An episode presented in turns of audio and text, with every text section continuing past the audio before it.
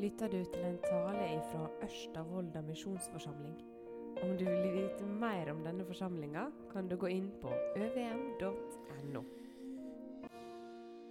Velkommen til å høre Guds ord. Um,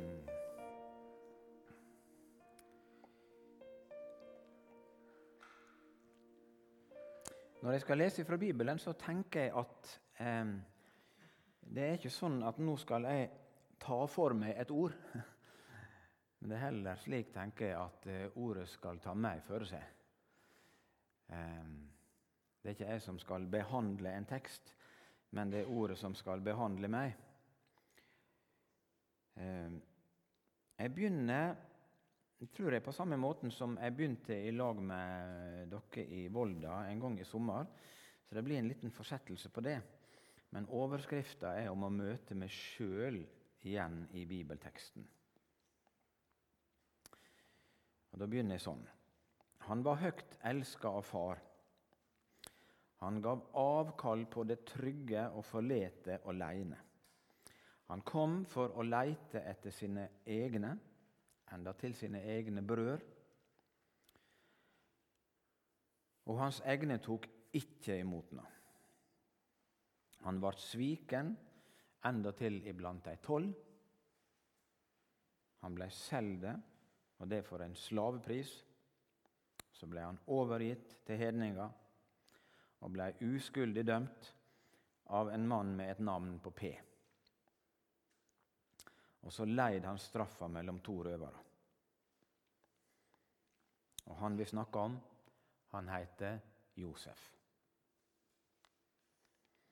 For det er så spesielt å legge merke til i fortellinga om Josef dette sterke kjærlighetsforholdet og nære forholdet som er mellom han og far.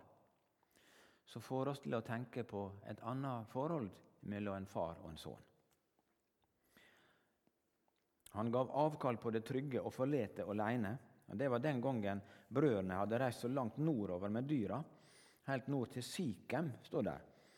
Og Antageligvis var faren urolig for dem, fordi eh, at den gangen de kom inn i landet, eh, da de flykta fra Laban og kom til Kananslandet, så kom de inn akkurat i Sikhem. Og det var der eh, sønnen til landsbysjefen voldtok eh, søstera til disse, her, eh, disse brødrene.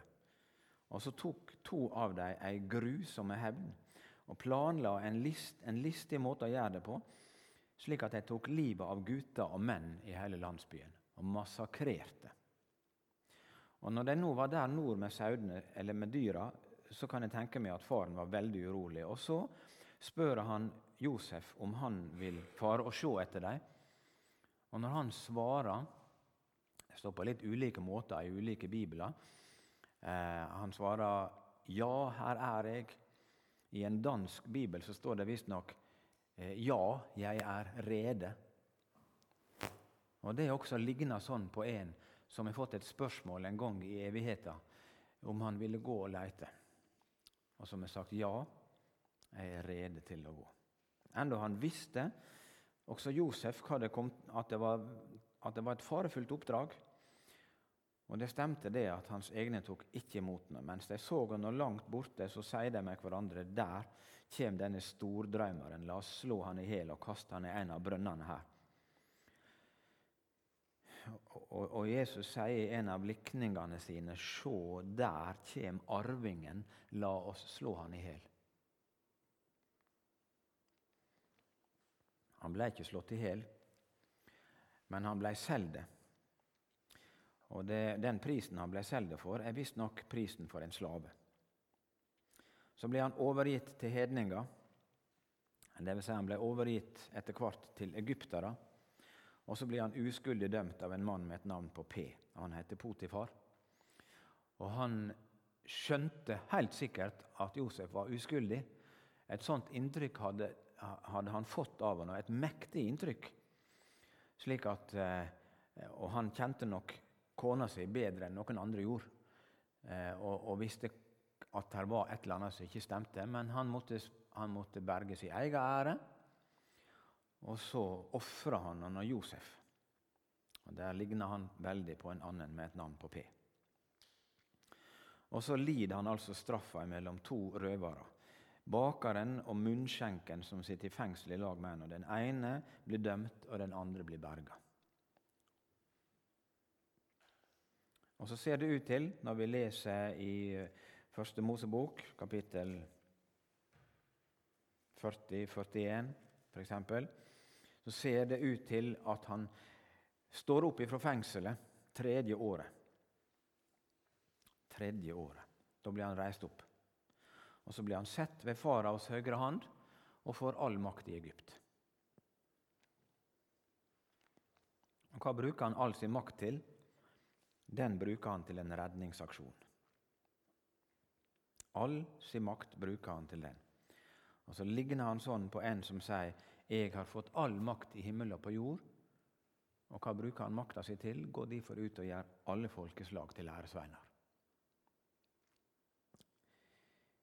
Ehm, det står, og vi kan jo smile til det, men det står at det var hungersnød i hele verden. På slutten av kapittel 41 i første Mosebok står det det ble hungersnød i alle land, men i hele Egypt fantes det mat. Da hele Egypt leid av svolt, ropa folk til farao etter brød, og han sa til dem, gå til Josef, og gjør det han sier dykk. Det er nesten som et ekko fra evangeliet i Nytestamentet. Det ble hungersnød over hele jorda. Eh, og Senere står det hele verden kom til Egypt for å kjøpe korn fra Josef. Og Vi kan lure på hvor store verden var før dem. Men det er iallfall de ordene som er brukt. Og det, eh, det er nok ikke på slump, for det er som et speilbilde av den nøda som er i hele verden, og som Frelseren bruker all makt til å, til å redde mennesket ifra. Det står strid i dag om hva misjon er for noe. Den gamle tanken om at mennesket må få høre om Jesus for å bli frelst, den står til diskusjon. Eh, og mange har andre tanker om hva det er for noe vi driver med når det er misjon. Men hele Bibelen, også her, forteller oss at hele verden er i nød. Og det er snakk om liv eller død. Og så får han altså stor makt. Eh, og, og, og farao, han, han sier 'Jeg er farao, men uten løyve fra deg' skal ingen løfte hand eller fot i hele Egypt. Det er sterkt.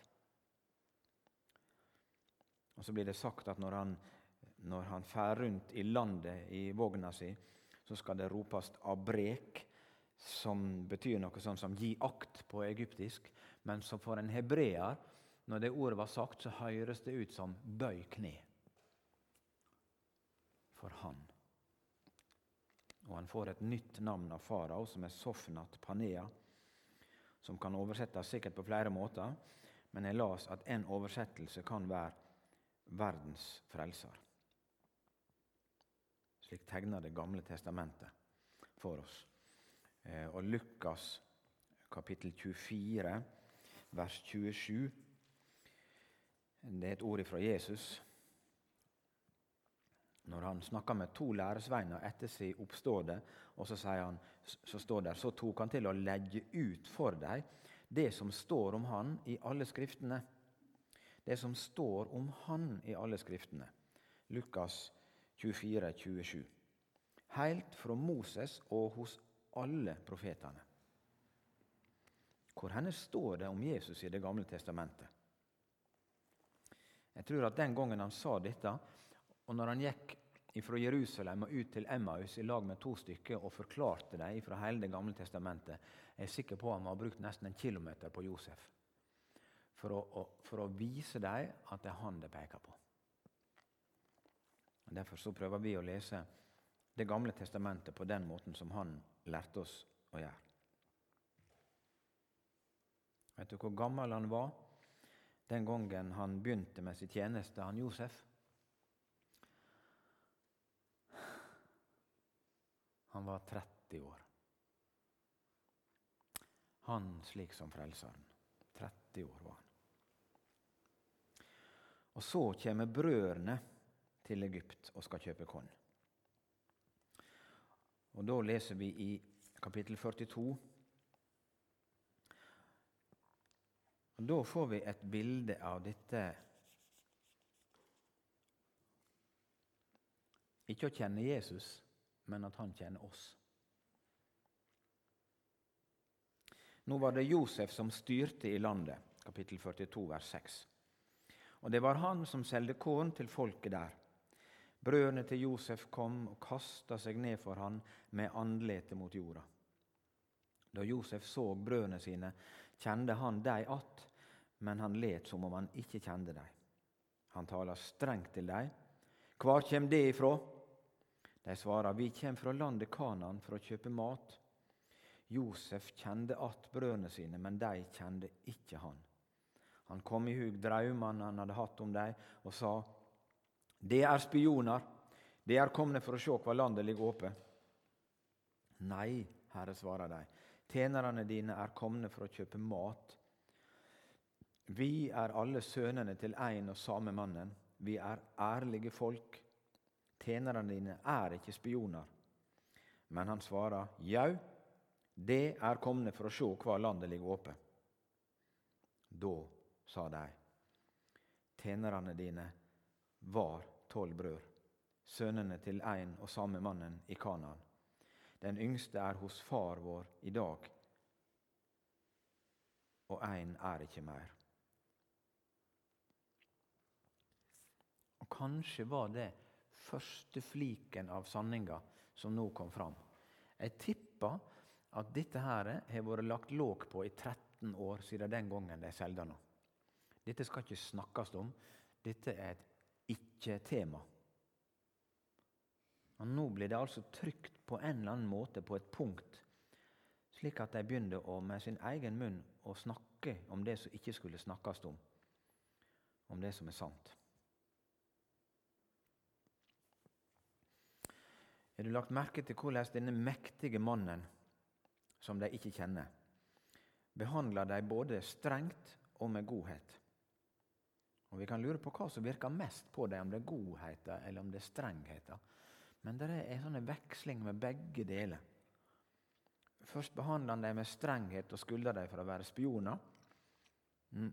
Han setter dem faktisk i fengsel i tre dager, alle sammen. Det er en del av behandlinga. Skal tro hva de tenker på. Skal tro hva de snakker om disse tre dagene der. Rart å være kommet til Egypt og Det de ikke venter, er at de altså sitter i fangehåla, alle tre.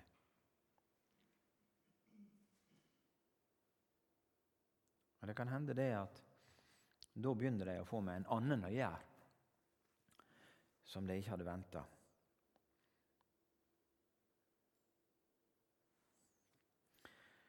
Så slipper han dem ut, men så holder han att Simeon, eller Simon i fengsel.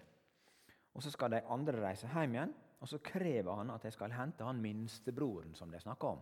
For Hvis de kan ha med seg han, så kan de bevise at historien deres er sann, at de ikke er spioner, men at de faktisk er en familie. Og Hvis de ikke gjør det, så truer han dem på livet. Og så står de der altså eh, framfor hånda, og så snakker de med hverandre. Sannelig, vi er skyldige. Vi så at bror vår var i stor nød da han ba oss om nåde, men vi hørte ikke på han. Derfor er vi òg nå komne i nød. Ruben, svarer de, og det er hans storebror. Sa jeg ikke at de ikke måtte gjøre gutten noe vondt? Men de ville ikke høre, så nå blir det kravd hevn for blodet hans. Hvem var det som hadde hvem var det som hadde eh, sagt at jeg skulle prate om dette? Og ingen som har nevnt noe om det. Jau, det var det en som hadde nevnt noe om. Og Det var Gud i himmelen som nå hadde begynt å, å, å sette fingeren på dette punktet. Uten at noen andre nevnte det, så er det det som kommer fram etter 13 år. De begynner å snakke om det som har vært lagt låg på i så mange år. Sannelig vi er skyldige. Men samtidig som de blir behandla så strengt, så opplever de altså å få alt kornet gratis. På vei hjem igjen, første stopp, matstopp, og så ser de at i sekkene ligger alt det de skulle betale med. Så de får alt kornet gratis. Rart med denne her måten. Både omsorg og godhet, og samtidig ei strenghet. Og så er de altså hjemme så lenge at maten tar slutt. Men så har de altså en gissel i Egypt. Og dette presset på seg at de må ha med seg Benjamin. Og Så får de overtalt faren til det, og så kommer de tilbake en andre gangen. Da er det med seg dobbelt med penger. Pengene fra sist, penger til å kjøpe nytt korn for, og endatil ei gave har de med seg for å blidgjøre. Og så kommer vi til det som jeg syns er det mest, det mest unaturlige scenen i hele, i hele fortellinga. For da kommer de altså og henvender seg til han som er husherren hans, hans Josef. Og antageligvis kremter og er usikre, og så sier de årsak, Herre, vi har vært her nede en gang før og kjøpt mat, men da vi slo leir for natta og åpna sekkene våre, fant hver av oss pengene øverst i sekken. Det var våre egne penger i sin fulle vekt. Nå har vi med dem tilbake. Vi har òg med oss mer penger til å kjøpe mat for. Vi veit ikke hvem som la pengene i sekkene våre. Og så får de dette svaret fra denne hedningen i Egypt. Fra uventa hold får de et sånt svar. Fred være med dykk. Vær ikke redde. Dykkar Gud, Gud til far dykkar, har gitt dere en skatt i sekkene. Tenk å oppleve noe sånt. Ei uventa godhet og ei uventa hilsen fra himmelen på en helt uventa plass. Og så sier han noe til som er kanskje enda underligere. Han sier, 'Pengene deres har jeg fått'. Og hva penger var det? For de sier jo det at vi er med oss pengene fra sist, som vi skal betale med, og vi er med oss nye penger til å betale med. Og så sier han 'pengene deres har jeg fått'. Hvor de kom ifra? Jeg kan ikke skjønne annet enn at Josef hadde betalt fullt ut. Alt var betalt. Alt var gratis. De trengte ikke betale noen ting. Merkelig svar. Pengene deres har jeg fått. Og så førte han Simon ut til dem. Eh, og så står det Nå må vi lese litt tekst. Siden førte mannen dem inn i huset til Josef. Inn i huset til Josef, til styreren i Egypt.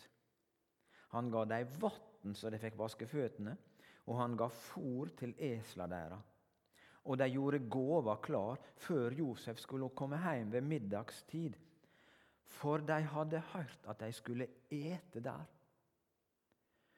Noe så hinsides all tanke og fornuft at disse usle gjeterne fra Kanan skal til bords og få mat hos styreren i Egypt.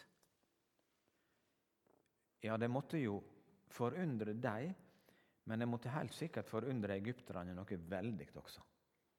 Noe så unaturlig. Så kom Josef hjem, og de bar fram gåva de hadde med seg inn i huset, og kasta seg til jorda for han.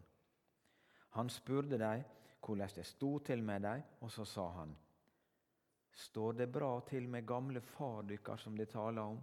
Lever han ennå? Sjå, det er dette som banker. Det er han far. Ja, svarer de. Det står bra til med far vår, tjeneren din. Han lever ennå. De bøygde seg og kasta seg ned for han. Da fikk han øye på Benjamin, bror sin, og sa, Er dette yngste bror dykkar, han de fortalte meg om? Gud vær deg nådig, sønnen min. Josef skunda seg bort, for kjærleiken til broren låga opp i han, så han måtte gråte, og han gikk inn i kammeret sitt og gret. Så vaska han seg i ansiktet og gikk ut att. Det er ikke eneste gangen det står om Josef sin gråt. Det står flere ganger Jeg vet, Står det veldig mange plasser i Gammeltestamentet om gråt? Det har ikke forska noe på. Men det er helt påfallende i denne fortellinga. Gråten som avslører ei så inderlig kjærlighet til disse som ikke fortjener det. Et mektig bilde. Så vaska han seg i andletet og gikk ut igjen. Han la bånd på seg og sa, Set fram maten.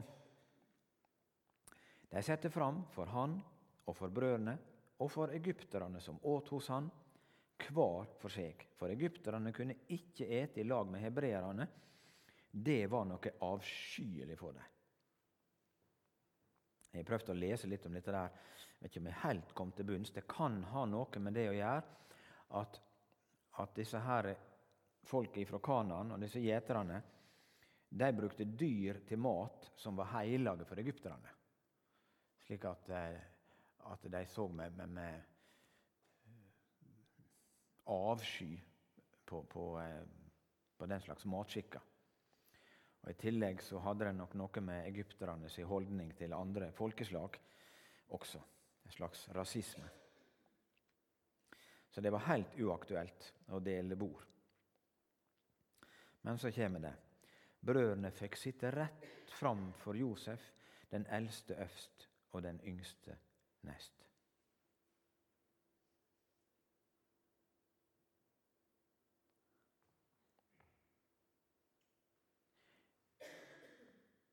Det kunne de vel ikke finne noen forklaring på. Det kunne de ikke finne noen forklaring på. Hvor det har gått for seg. For ingen hadde meldt fra om noe sånt. Og det står her i bibelteksten Da så de på hverandre. Da så de på hverandre og undrast.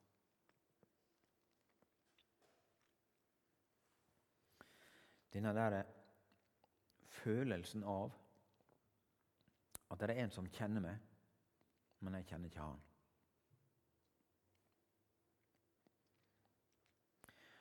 Og så kommer det som jeg, jeg syns er høydepunktet her. Som er helt uventa, og som helt sikkert disse her som, som arbeider der også, måtte se med forskrekkelse på hverandre når det skjedde. Det står han let dei få av rettene på sitt eget bord. Det var imot all etikette. Det skulle ikke skje. Og så får altså disse usle gjeterne fra Kanaan mat ifra hans eget bord.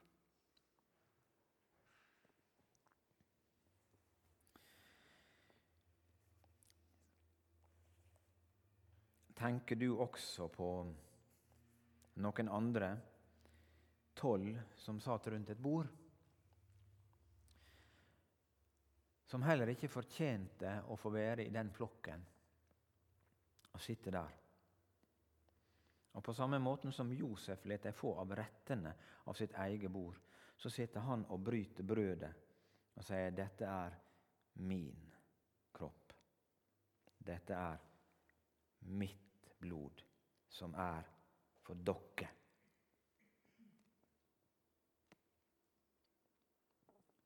Det var disse som satt til bords med Jesus, som ikke hadde kommet på at en kvann av dem skulle ha ordna med fotvask, f.eks.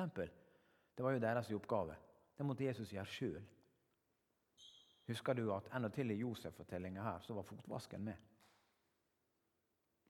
Og det står at de til og med kunne få seg til der ved nattverdbordet. Når Jesus er varsla hva som skal komme, så sitter de og krangler med hverandre om hvem som er hvem som er viktigst. Og iblant dem så sitter han som har tatt imot betaling for å svike Jesus. Og så samler han disse rundt seg, og så sier han Jeg har lengta inderlig etter å ete dette måltidet i lag med dykk. Og det er jo akkurat det som har vært Josef sin tanke også.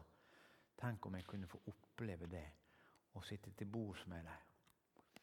Han som gret av kjærlighet til disse brødene, og som sier at han er lengta etter å hete måltidet. Josef sier jo ikke det, men han sier det med tårene sine. Jeg vet ikke. Kan, kanskje, kanskje det, det, som vi snakker om nå, kan streife tanken din neste, neste gang du går til nattvær. Få ta imot eh, hans kropp og hans blod og tenke på hvor uvirkelig det er at jeg er her. At jeg kan få oppleve en slik ære. Og Så kan du tenke på det at du er ikke der fordi at du kom på at du skulle gå til nattvær. Du er der fordi at han kom på at han ville invitere deg, og at han lengter etter at du skal være der. Slik er det måltidet. Med flere speilbilder i Det gamle testamentet.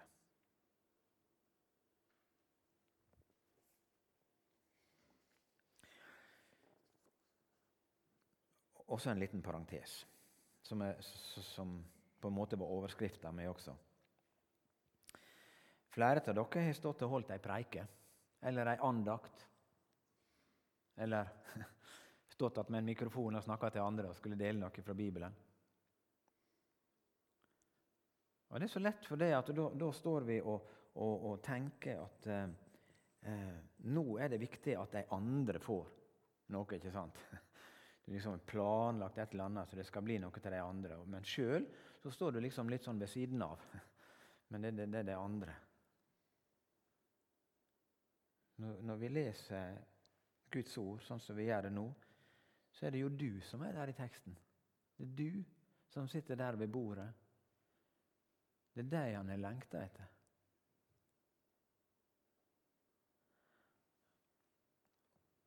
Og, og, og, Kanskje kan det være slik når vi er tilhørere på et møte også. Vi er nesten som et publikum som hører 'Å, det var ei bra preike', og så klapper vi, og så går vi. og så syns vi dette var noe fint, fint sagt og fine ord og sånn. Men det er jo ikke bare det at du er ikke publikum, men du er der i fortellinga. Ja. Det er du. Det er du i ordet. Tiltale. Så er de altså andre gangen på vei hjem igjen fra Egypt. Og Nå er de alle elleve, og nå er de endelig trygge. Og Nå skal de hjem igjen og fortsette livet som før. Og det var godt de kom seg unna. Det skal ikke skje uansett hvor sultne de er, at de skal tilbake igjen dit. Har jeg nå tenkt. Men du tenker nå ditt. og Det er verdt å filosofere litt over dette her. Unnskyld at det går litt seint meg, det gjør ofte det, for jeg må tenke litt underveis.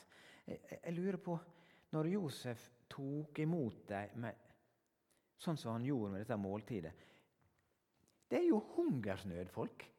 Det er jo nød i alle land, og det er hungersnød i Egypt også. Og til, han, han, kunne jo gitt dem såpass mat at de hadde så de berga at svolten ble stilt. Men i stedet så tar han imot dem med fest. Om det kan være Så det skal liksom nå inn i tanken deres at han er vår eneste berging kan jo være det. Men samtidig så er de bare glad at de kommer seg unna. For det, det har vært nervepirrende dager. Kommer seg vekk. På en måte så er vi jo litt sånn, vi mennesker, at, at, at, at det begynner å pirkes litt på noe som er sant i livet vårt, som vi har lagt låg på, som vi ikke skal snakke om. Så begynner det å sive ut litt av det. Men så kom vi oss unna slik at vi slapp konsekvensene av det. Det var godt. Det er det vi gjerne vil. Komme oss unna. Og så kommer altså denne her husherren etter dem og finner staupet til Josef i Benjamin sin sekk. Og så kommer ikke de unna likevel. Så må de tilbake igjen. Og så skal de tilbake igjen, rett i fanget på han som de er mest redde av alle han de aller sist vil møte, og som de frykter. Og Det de ikke veit, det er at han elsker dem. Han som de aller helst vil unngå, og som de er redde for. Og Når de da står der framfor nå, så sier de ting som nesten kunne være sitat fra romerbrevet.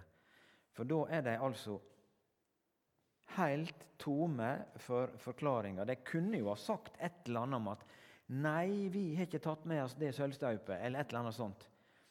Men det virker som at det, nå er ikke det lenger Josef, men det er Gud det har med å gjøre. Og så står det der, og så sier de i kapittel 44.: Hva skal vi svare, Herre? Hva skal vi sie? Og hvordan skal vi rettferdiggjøre oss? Gud har funnet misgjerninga og tjenerne dine. Så er ikke det mer å si. Det er jo det Nytestamentet kaller for å få en attlaten munn. Du står framfor din dommer, og det er ikke noe å si. Du er helt prisgitt Han. Og det ligger åpent hvordan livet ditt er. For Gud, hva skal vi svare? Hva skal vi si? Hvordan skal vi rettferdiggjøre oss? Gud har funnet misgjerninger og tjenerne dine. Og det er klart, Da tenker ikke de på sølvstøype. Da tenker de på alt denne uretten de har gjort. Og ikke bare det, men, men det livet de hadde levd før, som lillebroren i sin tid hadde gått og fortalt faren deres om. Så står det der, men så blir altså Josef vitne til enda en forandring hos disse brødrene sine. For nå krever han å få beholde Benjamin som slave. Dere andre kan fare hjem til de som svelter. Benjamin skal være igjen som slave. Da skjer det noe. Da begynner de å minnes faren si sorg over Josef den gangen. Det hadde de ingen problemer med den gangen. Nei da. De kom med denne kappa hans som var dyppa i blod, og på en falsk måte så skulle de trøste han far. Det er falskeste ord, altså. Og de tålte så godt å se tårene hans. Men nå har det skjedd noe. Og han Juda han tilbyr seg å bli igjen som slave i stedet for Benjamin. Og Kanskje i farten tenker vi på Juda som faktisk er stamfar til Jesus, og som på en bleik måte her blir et speilbilde. Han som tilbyr seg å gå i staden for. Han tilbyr seg å være igjen, slik at Benjamin kan fare hjem. Og så sier han, 'Jeg kunne ikke se på den sorga som kom til å ramme far min.' Jau, Juda, det klarte du godt den gangen, men nå klarer ikke du det. Slik er vi vitne til ei forandring som skjer i hjertet hos et menneske når det kommer under behandling med Gud. Fortellinga om Josef er som ei lærebok om vekking i et menneske sitt liv. Hvordan Gud behandler mennesket både med godhet og med strenghet. Det står jo noe om at, han driver, at hans godhet driver oss til omvending.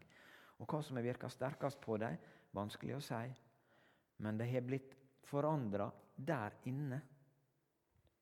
Det er ikke bare at, at det er blitt eh, eh ikke bare en forandring utapå, men der inne.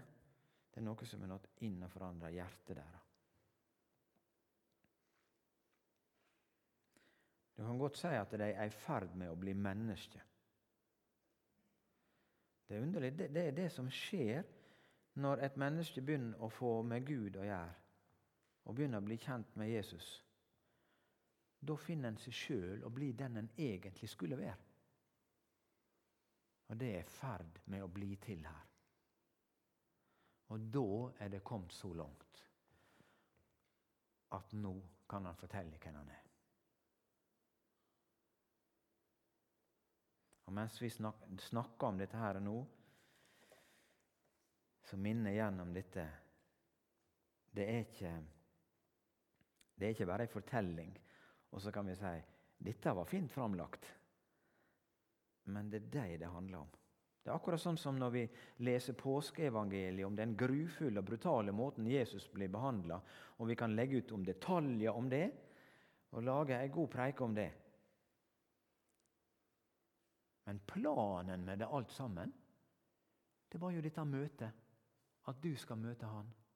Det er jo det alt handler om. Det er så retta fram imot denne gjenforeninga. At du og han skal høre sammen. Og alt dette med Josef, det var jo det han lengta etter. At de skulle bli gjenforent. Han så øyeblikket der i kapittel 45. Da kunne ikke Josef legge bånd på seg lenger for alle de som sto omkring han. Han ropa, 'La alle gå ut herifra!' Således var det ingen andre til stades da Josef lot brødrene sine få vite hvem han var.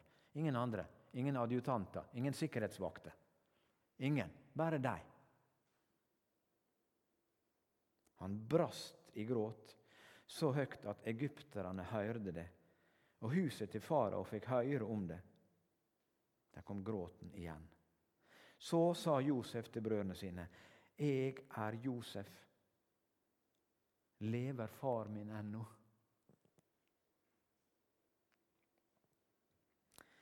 Men brødrene kunne ikke svare han.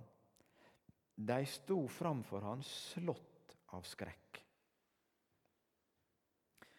Og Da har jeg tenkt at det er mange ting vi mennesker kan møte som gjør veldig sterkt inntrykk på oss, og som kan slå oss ut. Men det er ingenting som kan slå et menneske så fullstendig ut som evangeliet. Det er det sterkeste som finnes.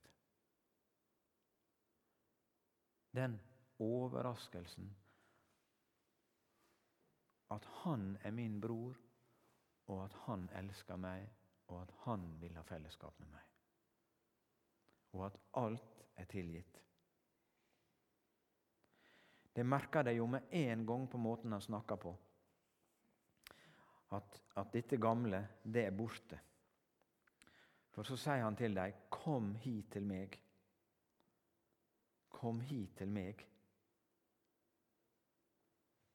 Det er jo nesten som tema for hele Bibelen. Det, det er jo det hele Bibelen handler om. Kom. Det er helt ifra det første, de første bladene når, når Gud roper på Adam og Eva. Og helt til det siste bladet i Bibelen, når Anden og brura sier 'kom', og den som hører, skal si 'kom'. Og den som vil, skal komme. Eh, ja. Kom hit til meg, sier han.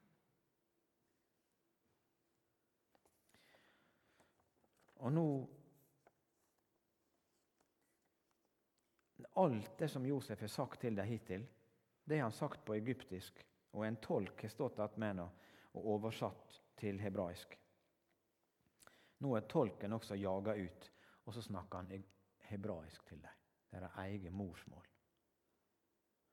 På samme måte så har, så har Jesus to språk. Han møter oss med et språk som heter lova sitt språk, som setter fingeren på et ømt punkt, slik at vi begynner å snakke sant.